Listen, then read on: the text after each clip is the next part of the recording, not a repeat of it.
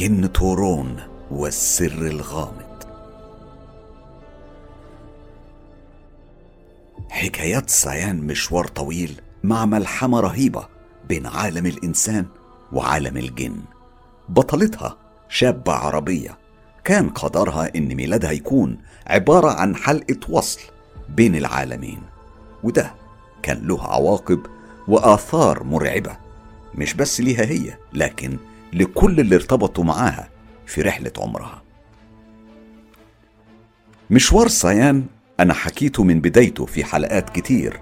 لو حابب تفهم القصة وأبعادها اسمع حلقة صيان الطريق إلى ذو الحرفين الجن واللي تعتبر بداية قصة الفتاة العربية المنتمية للزمرة الملكية أصحاب الدماء السوداء صيان. رابط الحلقة موجود في خانة الوصف. بس خليك فاكر إن الحكاية دي حكاية محيرة ومش لكل حد في الدنيا. الحكاية دي لخاصة الخاصة اللي ما عندهمش حدود للخيال اللي حياتهم مش بتقف عند كلمة إزاي وليه ومين وفين.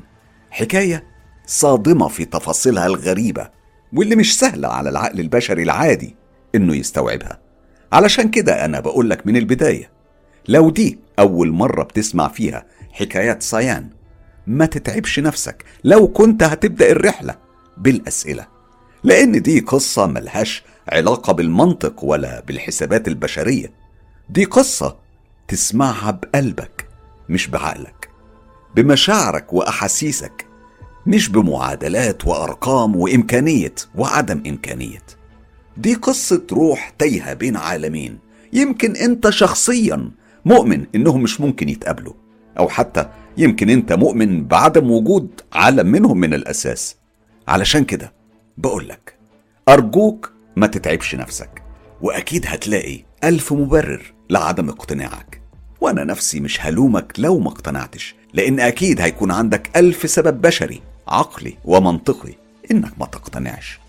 لكن لو مصمم تعيش معايا ومع الآلاف من محبي قصة صيان أرجوك اسمعها على إنها آه، أسطورة أو قصة خيالية ملهاش أي علاقة بالواقع. كده أنا قلت كل اللي عندي وأتمنى أكون قدرت أوصل الفكرة.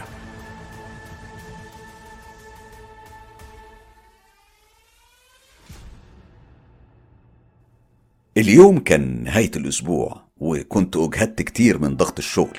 وكان كل اللي في بالي وقتها إني أروح وأقضي الويك إند مع أسرتي بعيد عن كل الضغوط ومعاناة رحلة الحياة. وبالفعل ركبت عربيتي واتحركت في طريقي للبيت.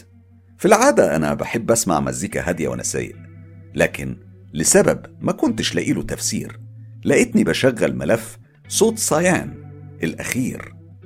القصة فعلا دخلت في منطقة فيها كتير من الألغاز والأسئلة المحيرة. واللي كان من الصعب تأجيلها. لكني كنت مصمم أفهم الحكاية. صيان كملت الحكاية وقالت أنا قمت بعد ما سمعت جملة ما تقلقيش يا أميرة مملكتك موجودة بره وكل حاجة بقت تمام. قمت ولقيتني في الصالة بتاعي البائسة وهنا عايزاك تركز جدا معايا. لأن ده هيكون صعب استيعابه بمقاييس البشر. بص يعني أقرب وصف وتبسيط للي حصل. إن الزمن كان كأنه اتجمد عند لحظة معينة. اللحظة اللي هي وقت ما كانت البائسة رفعت الحجر علشان تضربني بيه. أنا وقفت في الصالة وكنت ببص حواليا وكنت متأكدة إن اللي معايا إسحاق. لأنه عمره ما تخلى عني أبدا دايما بيلازمني زي ظله. وبالفعل لقيته هو وكمان لقيت أرون. وعرفت إن تورون كان في الدور الثالث في البيت. مش علشان أخوه كان هناك والكلام اللي ممكن تفكر فيه لكن كان لسبب هوضحه بعدين. أنا في الوقت ده بصيت حواليا واتحركت ورحت على أوضة البائسة. ولقيتها نايمة على السرير. أول ما شافتني اتصدمت صدمة فزع رهيب. نظراتها وكلامها كانت حالة رعب كاملة. أنا بالنسبة لي كل اللي كنت فاكراه إنها كانت بترمي حجر عليا. وتورون أنقذني. وطبعا فاكرة عزيز وفاكرة كل الحوارات اللي دارت بينا. كمان فاكرة وأنا بخرج جدي. يعني أنا كنت مجمعة كل الأحداث وفاكراها بس مع ذلك كنت حاسة إن في حاجة ناقصة حاجة متأكدة إنها حصلت بس أنا مش فاكراها. كمان كان شاغلني جدا إزاي اتجمع إسحاق وآرون مع بعض ومعاهم عزيز قائد الحرس وكمان تورون. يعني كل المجموعة دي اتجمعت في يوم واحد في مكان واحد. ده بالنسبة لي كان لغز. أنا كنت ببص لها وبقول لنفسي هي إيه اللي جايبها هنا؟ ما كنتش فاهمة كنت عاملة زي اللي اتعمل لها مسح مؤقت للذاكرة. ولما طلبت توضيح اكتشفت إنهم بيتعاملوا من منطلق إن عندهم أوامر بعدم الكلام معايا. حتى إسحاق بالرغم من إن عيونه كانت بتقول لي حاجات كتيرة طبعا لما تكون معاشر حد لسنين طويلة بيكون من السهل إنك تفهم كلامه من عينيه. وهو عينيه كانت بتقول حاجات كتير. أنا رجعت بصيت على البائسة وأنا بحاول أفتكر تفاصيل أكتر للأحداث. أنا كل اللي فاكراه قوي إنها كانت بتحاول تموتني لكن برضه كنت حاسة إني تايهة ومش فاهمة في إيه.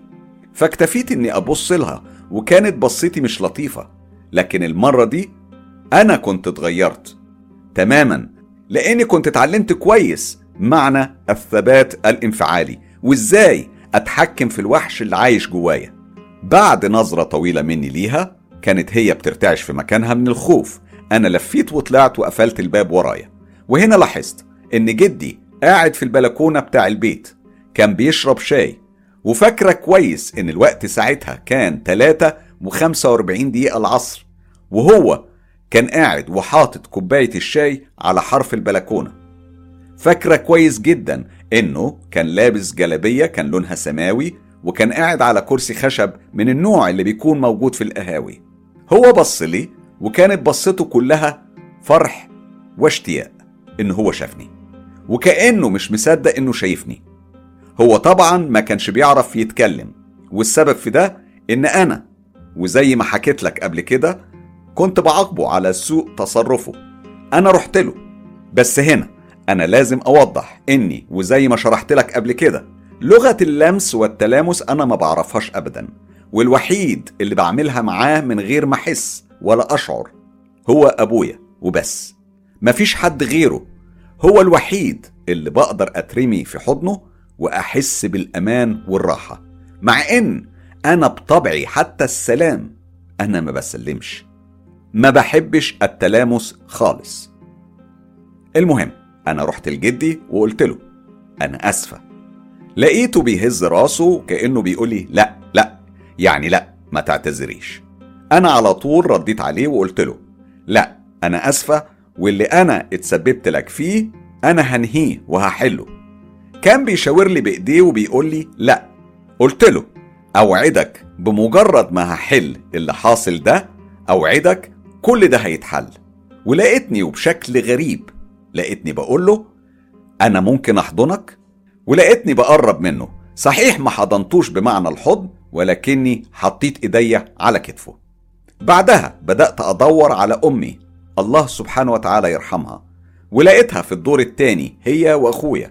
وكأنهم بره الأحداث اللي حصلت دي كلها. لو تفتكر أنا آخر كلام كنت قلته لوالدتي وقتها وقت بداية الأحداث قلت لها إنها تطلع فوق هي وأخويا. وقت لما كنت أنا داخلة عشان أصفي حسابي مع البائسة وهنا ده تفسيره كان غريب قوي بالنسبة لي. حسام لو سمحت حاول تركز معايا قوي في اللي بقوله لأنه صعب ومعقد جدا. أنا في بداية الكلام قلت لك إن حصل زي توقف زمني مؤقت عند لحظة معينة وهي اللحظة اللي البائسة حاولت تضربني فيها بالحجر. التوقف الزمني ده أثره كان نافذ على كل حاجة. فمثلا البائسة كانت في سريرها. جدي كان في البلكونة. البيت رجع لحالة ما قبل اللحظة دي. فهمني يعني؟ التوقف وتجمد الزمن وآثاره حصلت مع كل الحاجات دي في لحظة لما البائسة رفعت عليا الحجر. لكن اللي أنا ما كنتش فهماه إزاي حالة توقف الزمن دي أثرها بدأ مع والدتي وأخويا من اللحظة اللي قلت لهم فيها اطلعوا. أنا على طول حتى وقتها سألت إسحاق السؤال ده وقلت له يعني كده ماما وأخويا كأنهم ما حضروش الأحداث اللي حصلت دي كلها. إسحاق معرفش يجاوبني واكتفى بالسكوت. أنا على طول طلعت علشان أطمن عليها. ولما خبطت فتحت الباب وكانت بتبصلي كأنها كانت لسه سايباني من دقيقة واحدة.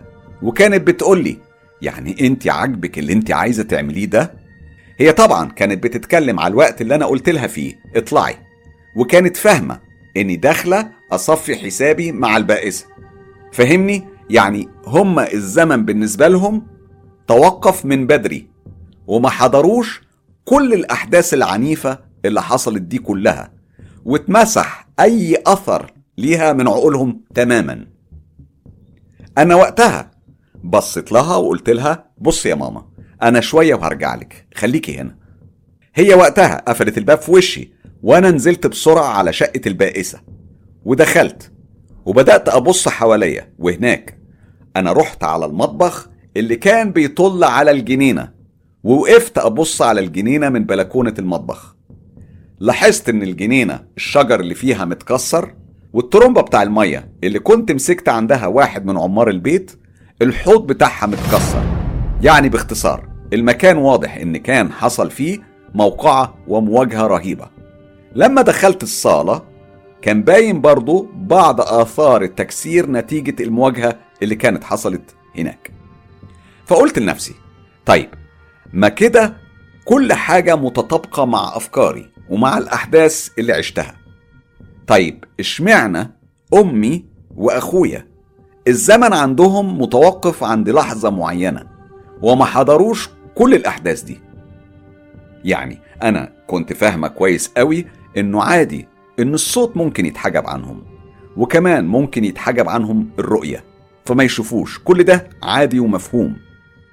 لكن إن الزمن يقف عند لحظة معينة ويتجمد وما يحضروش اللي حصل فده اللي أنا ما كنتش مستوعباه ابدا. ووقتها في سؤال جه في بالي. كنت محتاجة تفسير وإجابة ليه قبل أي حاجة. إزاي تورون جه هو واللي معاه في التوقيت ده؟ بالرغم إن في عداء شديد بين مملكته وبين مملكتنا. واضح كده؟ إن في حاجة أنا مش فاهماها. واضح إن أنا فيما يبدو كنت أداة. عايز أقولك إني وقتها كنت بدأت أغضب جدا لأني حسيت إن تم استخدامي كأداة. وهتفهم إزاي لما أوضح لك. بصراحة عند الجملة دي تحديدا أنا وقفت الرسالة الصوتية وبصيت للطريق قدامي واللي كان فاضي ما فيهوش عربيات كتيرة. ولقيتني بقول بصوت عالي والله يا سيان يظهر إني هكتشف في النهاية إن أنا هو اللي أداه وإنك بتحاولي تمرري رسائل من عالم الجن لعالمنا عن طريق الحلقات دي وهي وسيلة سهلة ولطيفة ولجمهور مضمون. وهنا قفشت نفسي وأنا ببص في المراية وببتسم على الجملة اللي قلتها بصوت عالي. بس أنا لما قعدت أحسبها لقيت إن كلامي اللي كنت بقوله بصيغة هزلية ممكن يكون فيه نسبة كويسة من الجد. يعني بافتراض وبقول بافتراض إن صيان من عالم الجن وهم حابين يوصلوا رسالة معينة. أنا تحديدا في اللحظة دي مش متأكد من نوعها أو سببها لكن خليني ماشي مع الفرضيات الغريبة اللي عقلي بدأ يطلع بيها كنوع من التفسير لحالة صيان المعقدة والغريبة واللي أحيانا بتكون مش مفهومة أو خلوني أقول مش مبررة. ففي السيناريو التخيلي ده بتظهر صيان على إنها وليدة الجن في عالم الإنسان. فبكده في رابط بيربط العالمين ببعض عن طريق شخص واحد اللي هو صيان. وبعدين من خلال حكاياتها هي بتعرفنا بخبايا وأسرار عمرنا ما كنا نعرفها عن عالم الجن لدرجة إن يمكن في أوقات بتكون مخالفة لكل اللي إحنا نعرفه وسمعناه قبل كده والسبب إنها جايباه من مصدرها الحقيقي والوحيد. وكمان من خلال الحكايات دي بنبدأ نكتشف إنهم كيانات مسالمة وعندهم مشاعر فبنبدأ نتعاطف معاهم بشكل إنساني وتدريجيا بننسحب لعالمهم. و... و... و... و... وقبل ما استرسل في الخيال الشرس زي عوايدي أخدت بالي إني وصلت البيت فركنت العربية وسحبت شنطة أوراقي وطلعت جري على السلالم وأنا بفكر هاكل إيه النهارده.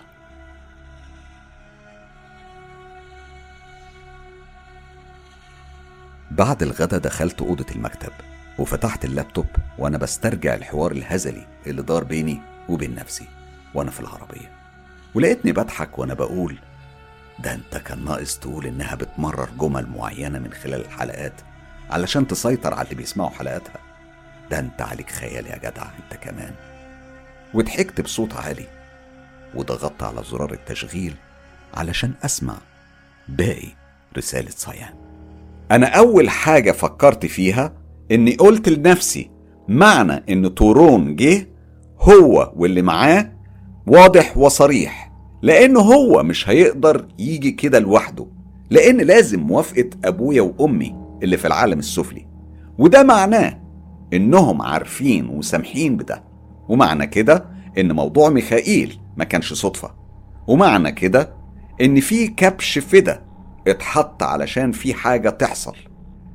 هبسطها لك. بالبلدي كده اتعمل كبش فدا علشان أنا أتعلم الدرس بشكل عملي. أنا تدريجيا ده اللي جه في بالي زي ما أنا بحكي لك. أنا فعليا كنت بدأت أغضب. لكني وزي ما وضحت لك كنت بقدر أسيطر على نفسي وعلى طول طلعت بره البيت ورحت على الجنينة.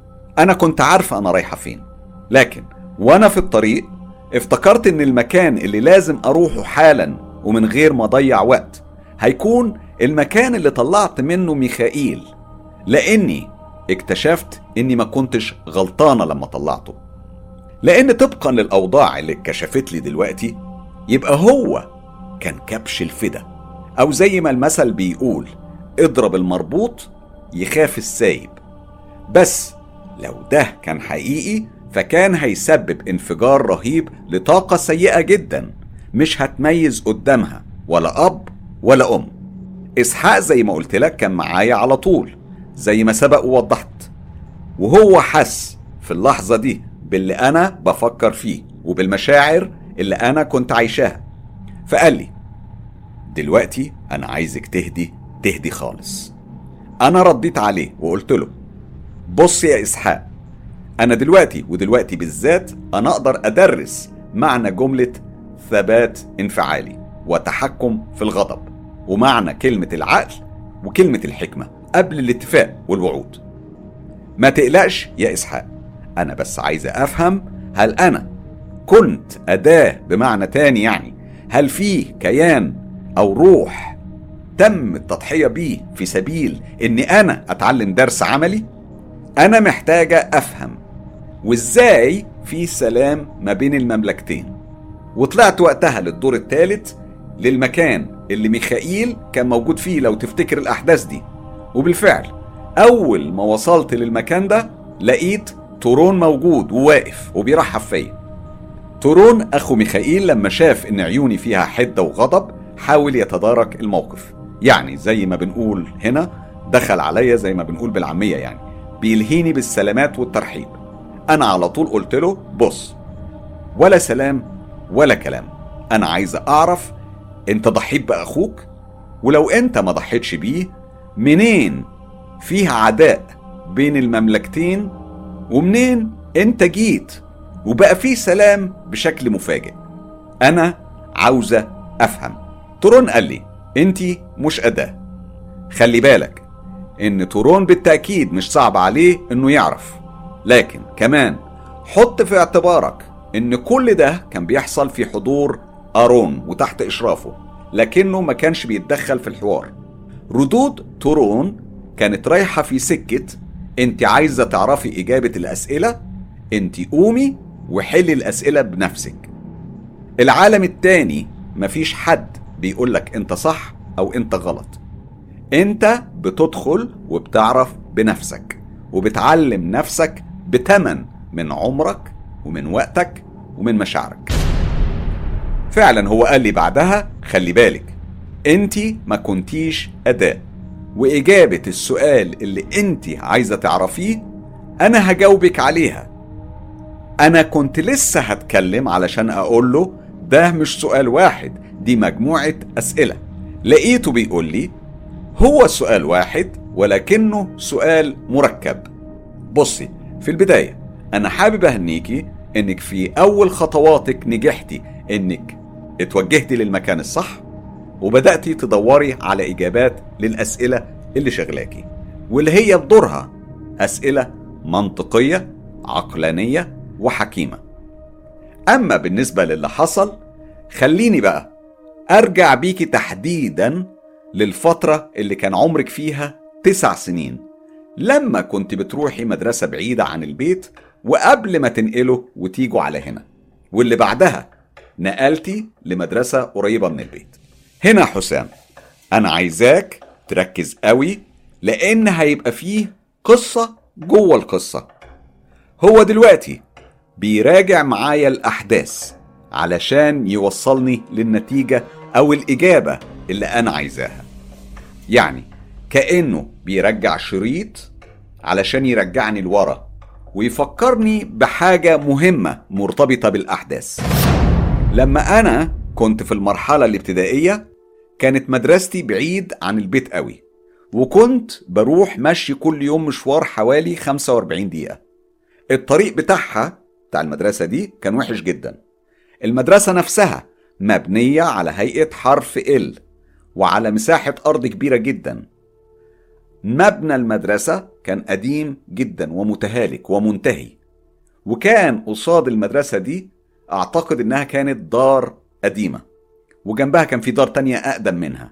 يمكن بترجع للخمسينات. كان شكل المبنى ده عبارة عن دار عادية بس بترجع لفترة زمنية قديمة. وشكل المبنى ده كان عبارة عن باب خشب كبير من ضرفتين كان باب قديم قوي. وعلى اليمين كان في شباك خشب ضرفتين وفوق شباكين صغيرين على اليمين وعلى الشمال. وكمان كان راكب عليهم حديد. أعتقد كده. أنت بقى عندك تصور لشكل الدار اللي أنا بحكي لك عليها. حاول تستوعب شكلها كويس جدا. لما كنت أدي ظهري للمدرسة كان وشي بيكون على مسافة حوالي 12 خطوة من باب الدار دي. وهناك كان في حتة أرض صغيرة متزاوية على جنب. أنا كنت بحب أروح أقعد عندها دايما. وكنت ببقى شايفة قصادي المدرسة والملعب أو الساحة الكبيرة. يعني ما كنتش ببقى بعيدة كنت ببقى قاعدة على يميني الدار اللي أنا بتكلم عنها دي وقدامي المدرسة. وفي الرجوع الطريق كان بياخد مني أكتر من 45 دقيقة والسبب إني كنت برجع تعبانة ومرهقة.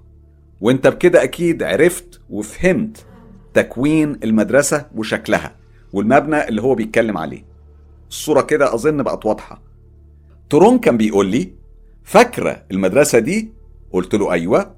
قال لي فاكرة المبنى اللي كان قصادها؟ قلت له مظبوط.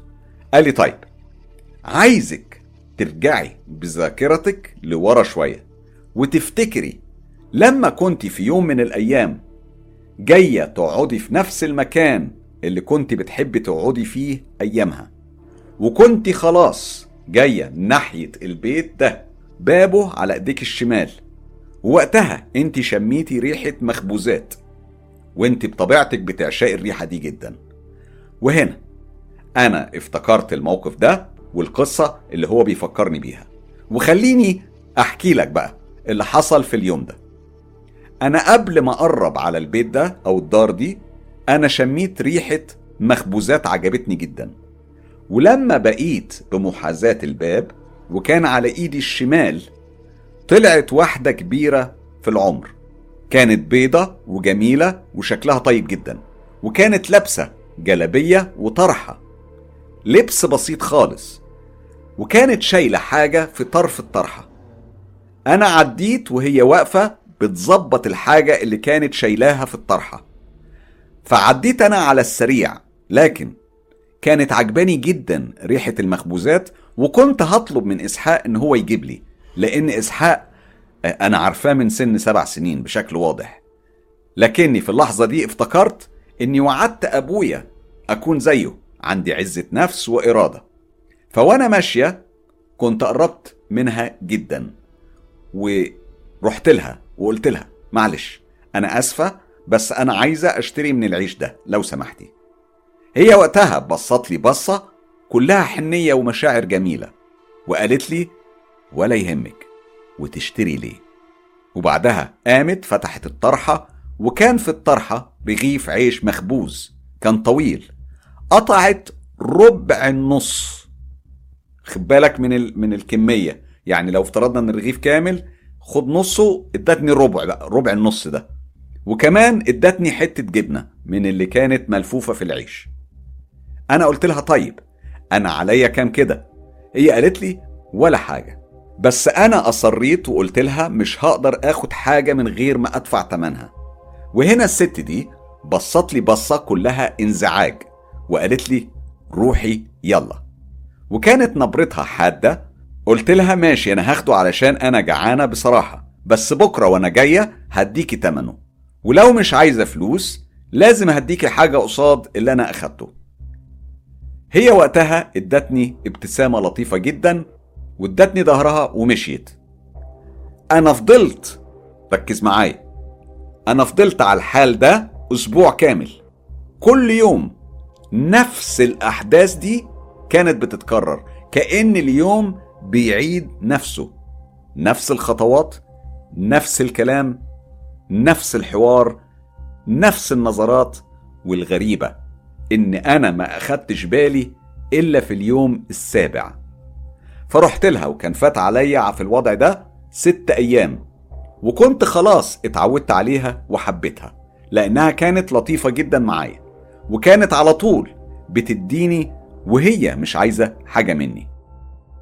كل يوم من السبع أيام كانت بتديني نفس الكمية من نفس الأكل من غير ما تاخد مقابل. بس الغريبة إن الربع رغيف اللي كانت بتديهولي كان بيفضل دافي طول النهار ولحد بالليل ولحد ما أرجع البيت. وأنا كنت دايما أحطه في جيبي وفي أي وقت أطلعه ألاقيه دافي. وكنت طول الأسبوع ما باكلش غير كمية العيش اللي هي بتديهالي. يعني ما كنتش باكل حاجة تانية. الربع رغيف ده خلي بالك كان بيفضل دافي وبيفضل معايا ما بيخلصش لحد بالليل.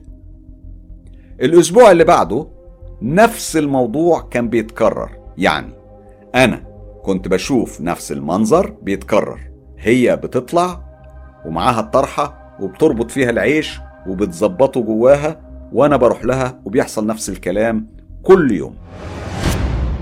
لكن اللي حصل بقى في الأسبوع اللي بعده إني كنت ببقى رايحة هناك مش علشان العيش لأ. أنا كنت ببقى رايحة علشان الحنية اللي في عينيها. في الأسبوع التاني اللي اتغير إني ما لقيتهاش. ما لقيتهاش هي. لقيت الباب مردود وكنت واقفة ببص على الباب بحاول أشوفها لكنها ما كانتش بتطلع وكانت ريحة الخبز زي ما هي طالعة ومالية المكان.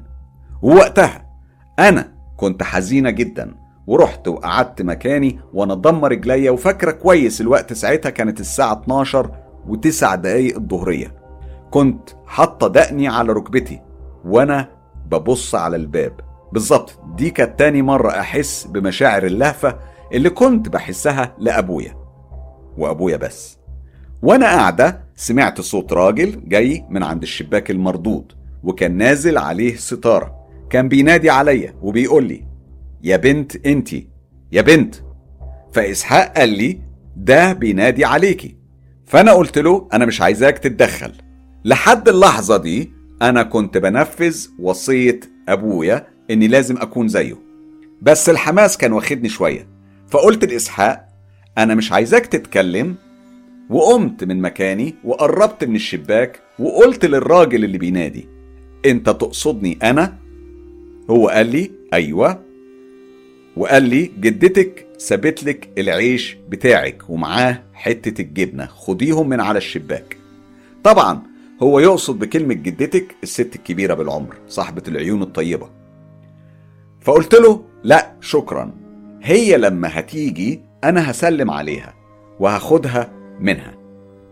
ببص لقيت صوته علا واحتد شوية بس أنا ما خفتش. بس لفيت وقلت له بص انت علشان راجل كبير في السن أنا هحترمك. بس خلي بالك أنا مش حابة صوتك العالي ده لأنه ممكن يخليني اعند معاك. ولو وصلت للعند يبقى أنا هكفر يا انت هتكفر يا اما إحنا الاتنين هنكفر. وقتها قام عمل زي صوت زمجرة في وشي فانا قلت له تصدق اني كده خفت بجد؟ طبعا كنت بتريق وببين له اني مش خايفة. لقيته زي اللي حس بنفسه قليل الحيلة. وكرر كلامه وقال بص يا بنتي خد العيش ويلا بقى. فأخدت العيش ورحت قعدت مكاني. بس لاحظت إن طعمه مش زي العيش اللي كنت باكله كل يوم. وكمان ما كانش بيفضل سخن لحد بالليل. فضل الحال ده كمان لمدة أسبوع. نفس السيناريو بيتكرر. وبعدين بدأ الأسبوع الثالث أنا طبعا كنت مشتاقة ليها جدا لكنها ما ظهرتش برضه. فقعدت استنى إن الراجل الكبير يناديني زي الأسبوع اللي قبله لكنه ما نادانيش. ففضلت قاعدة في مكاني وأنا عندي أمل إنه هينادي لكن برضه مفيش بعدها اتفاجئت إن في ناس بتناديني من جوه. أنت يا بنت أنت يا بنت. الأصوات كانت مختلفة شاب طفل آه، الراجل الكبير يعني أنا أقصد كذا صوت. وهنا إسحاق قال لي بينادوا عليكي. فأنا قلت لإسحاق ملكش دعوة أنت أنا هقوم أتصرف بنفسي. فقمت وقربت من الباب واللي بقاله أسبوعين أنا بشوفه مردود حتى في الأيام اللي كانت الست العجوزة الطيبة بتطلع منه. أنا ما كنتش بشوف حاجة. فسمعتهم بيقولوا لي تعالي تعالي. وكل الأصوات كانت بتقول نفس الجملة الكبير والصغير والطفل. كلهم بيقولوا لي تعالي. أنا؟ أنا؟ أنا إيه يا سيان؟ أنت علقتيني تعليقة ملهاش أي حل وهو ده وقت الرسالة الصوتية تخلص. أنا كنت اندمجت جوه الأحداث اللي برغم غرابتها وأحاسيسها الأسطورية إلا إني بجد كنت مشدود جدا أعرف إيه اللي حصل. وإيه حكاية الرغيف رغيف العيش اللي بيفضل سخن طول اليوم؟ وإيه سر إنها بتديها ربع نص الرغيف ومش الرغيف كله؟ ومين الست دي؟ وإزاي الرغيف بيكمل معاها الفترة دي كلها؟ واللي أهم من كل ده وده إيه علاقة تورون الجن بالقصة الغريبة دي ورغيف العيش السحري ده؟ وبعدين معاك يا صيان هو أنا كل ما أقول خلاص المسألة اتحسمت تاخديني في منطقة تانية خالص. ملهاش أي علاقة بكل اللي فات. كأنك قصدك توهيني وتخليني ما أفكرش في الاحتمالات المجنونة اللي كانت مسيطرة عليا النهاردة. أقصد احتمالية إنك تكوني من عالم الجن بجد. وجاية توصلي لنا رسالة أو يمكن ليكي غرض تاني. بس أكيد هعرفه. خليكي فاكرة أنا مش من النوع اللي بيستسلم بسهولة. ومسيري مسيري هوصل لبداية خيوط العنكبوت الرهيبة اللي وقعتيني فيها.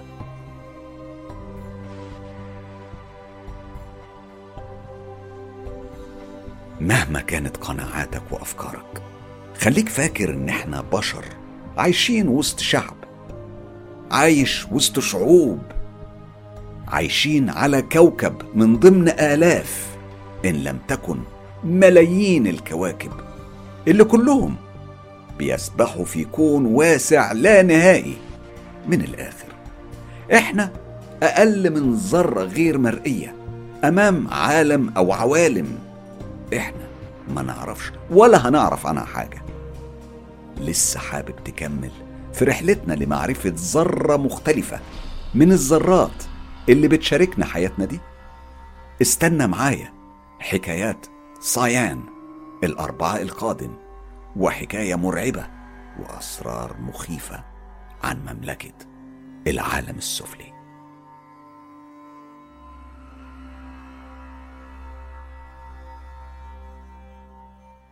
لو عندكم تجارب حقيقية وحصلت بالفعل لكم أو لحد من أصحابكم وحابين تشاركوا بيها أصدقاء مستر كايرو ابعتوا التجارب على الصفحة الرسمية للإعلامي حسام مصباح على موقع التواصل الاجتماعي فيسبوك أو على موقع صراحة أو تطبيق تليجرام كل الروابط موجودة في خانة الوصف.